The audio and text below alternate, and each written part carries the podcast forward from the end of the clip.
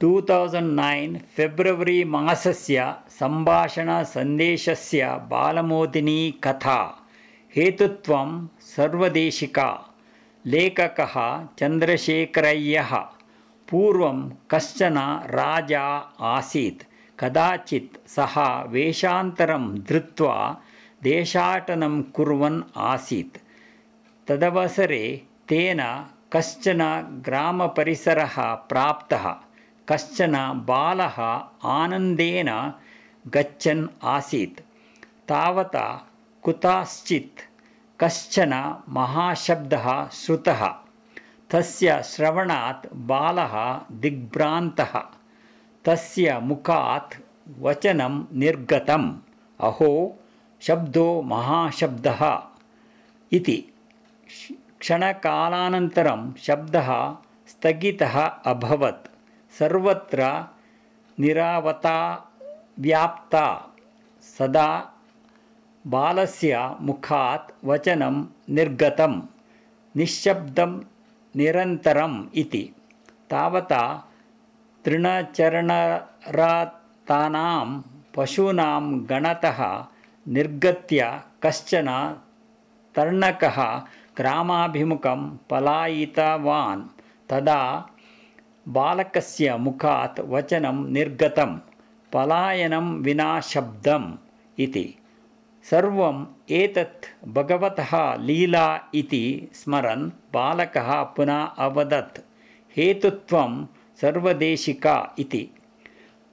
एतानि वचनानि राज्ञी महान्तं परिणामम् अजनयन् तानि एव स्मरन् सः प्रासादं प्रतिगतवान्।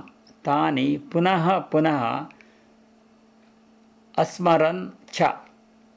रात्रौ शयनासमये अपि सः तानि एव वचनानि पुनः पुनः वदन् आसीत्। तस्य देशस्य मन्त्री सर्वदेशिकः कश्चन धूर्तः तस्यां रात्रौ सः राजकोषात् धनं चोरयितुम् आगतः। तदवसरे पादस्पर्शात् अलङ्कारवस्तु पतितं ततः महान् शब्दः उत्पन्नः। तदा एव निद्रामग्नस्य राज्ञः मुखात् स्वप्नवचनं निर्गतम्। अहो शब्दो महाशब्दः इति। मन्त्रिणा एतत् श्रुतं। मम आगमनं राजा ज्ञातवान् इति भाति इति विचिन्त्य सः तूष्णीम् अतिष्ठत्। सर्वत्र निरवता व्याप्ता। किञ्चित् कालानन्तरं राज्ञः मुखात् अपरं वचनं निर्गतं निःशब्दत्वं निरन्तरम् इति। एतस्य श्रवणात् मन्त्रिणः भीतिः प्रवृद्धा। तस्मात् सः ततः पलायनाय उद्युक्तः तदा राज्ञः मुखात् तृतीयं वचनं निर्गतं पलायनं विना शब्दम् इति। मन्त्रिणः शरीरे कम्पनम् उत्पन्नं तावता राज्ञः मुखात् पुनरपि वचनं निर्गतं हेतुत्वं सर्वदेशिका इति मम समग्रं व्यवहारं राजा ज्ञातवान् अस्ति इति चिन्तयन् मन्त्री राज्ञः शहनाप्रकोष्ठं प्रविष्टवान्।